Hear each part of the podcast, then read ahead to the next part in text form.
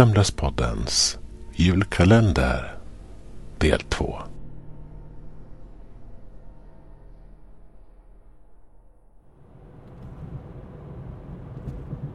Gertrud, Mustafa, Shona, Tony och Katrin satt i bilen som skulle ta dem till herrgården.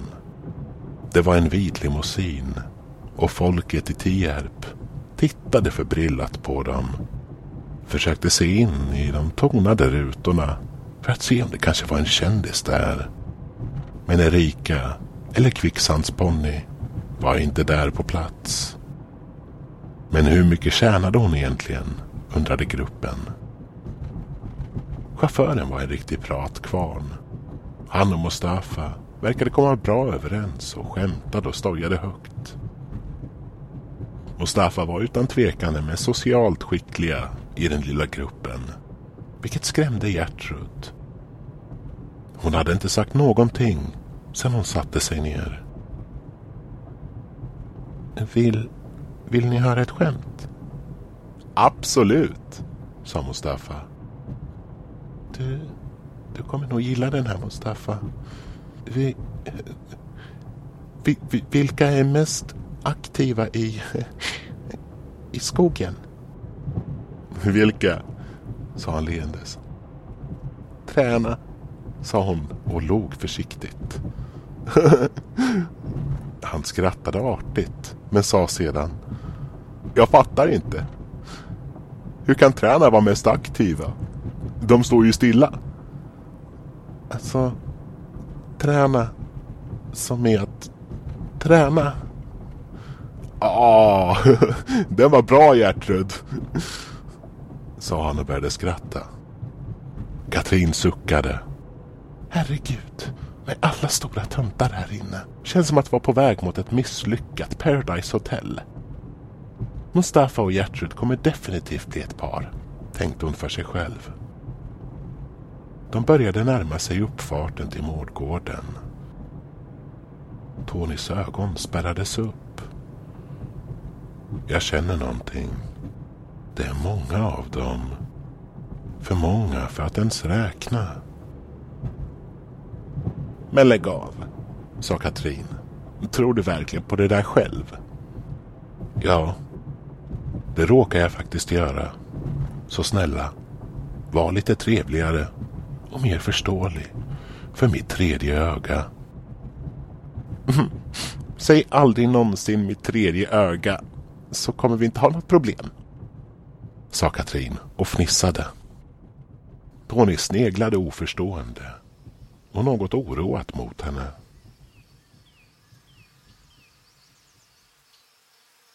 De, ja, nästan nyblivna vännerna gick fram till den stora porten och steg in i vad som skulle bli deras hem, Mårdgården. Det första som samtliga av dem slogs av var hur kallt det var. Egentligen var det ju ingen större skillnad från utomhus. Vid entrén fanns några tavlor av äldre män och kvinnor med stränga blickar från olika tidsåldrar. Allt var dammigt. Trappan vred sig på ett märkligt sätt. Och det såg ut som om man inte gick försiktigt nog så skulle den kunna gå sönder. I biblioteket fanns det en kamin och en moraklocka som tickade högt. När Tony stängt dörren hörde gruppen plötsligt hur den låstes från utsidan.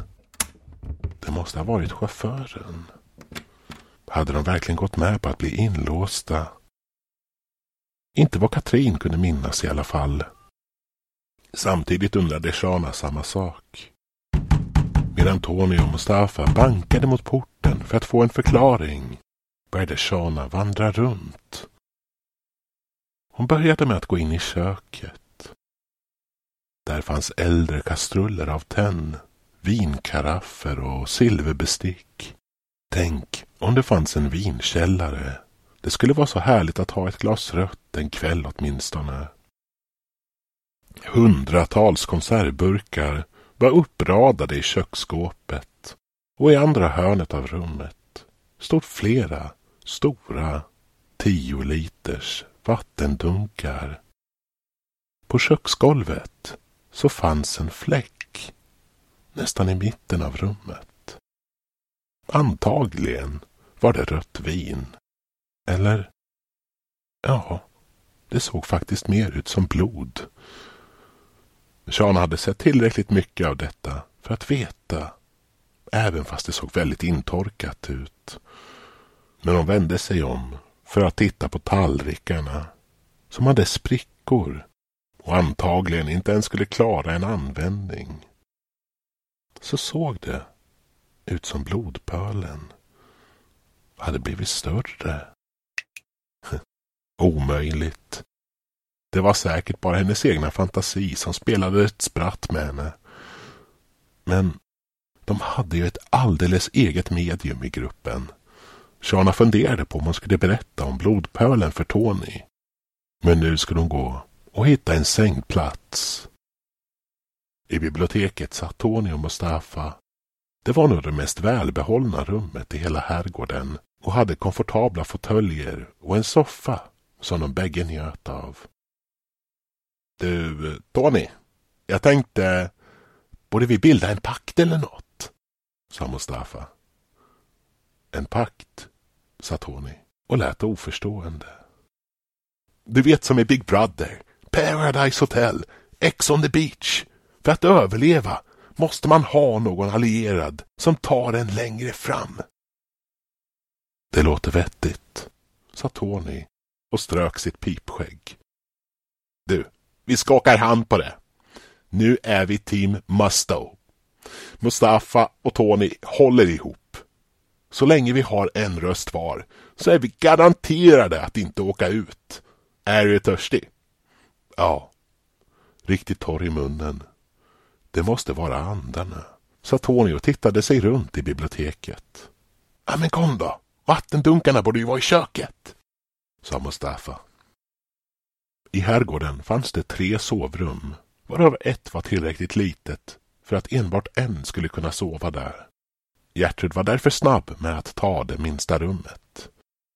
Det såg ut att ha varit en barnkammare tidigare. Gunghästen i trä och den lilla dockan var ledtrådar. Älgen med långa armar och ben vid namn Bilbo, som hon hade tagit med, placerades bredvid den lilla porslinsdockan. Den var söt. Blont krulligt hår och en blåvit rutig klänning. Att Gertrud skulle behöva sova på golvet bekom henne inte. Med tillräckligt många lakan och filtar skulle det bli riktigt bekvämt. Hon ville bara inte dela rum med någon annan. Att ha sin egen fristad var väldigt viktigt. När hon gjort i ordning sin provisoriska bädd och lagt sig ner sa hon tyst för sig själv. Japp, det här funkar. Plötsligt hörde hon en försiktig knackning på dörren. Kom in. Ja, det var upptaget här. Det blir lite svårt att sova två personer här inne. Ja, ja, jag fortsätter leta. Vi ses, sa Katrin. Hon fortsatte in i korridoren. Hur lång var den egentligen? Det kändes som hon gått i minst tre minuter. Sen hon knackat på hos Gertrud.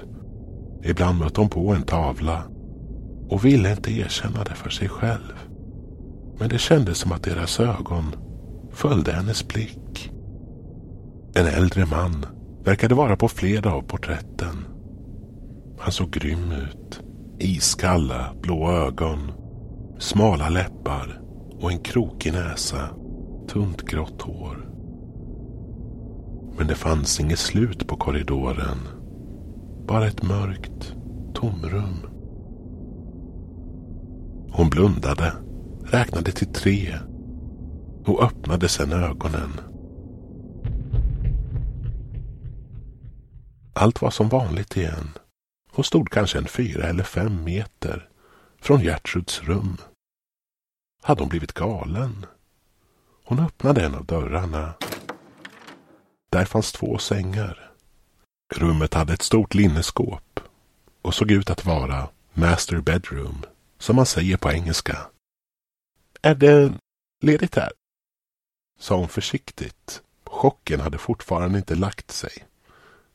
Ja, visst, men jag varnar dig. Jag snarkar rätt högt, sa Shona. Det är lugnt. Jag är antagligen värre. Hon tittade ogillandes på porträttet som hängde ovanför Shanas säng. Det var mannen med de iskalla blå ögonen. Mustafa och Tony hade nästan druckit en liter vatten var. På nedervåningen så fanns ett gästsovrum.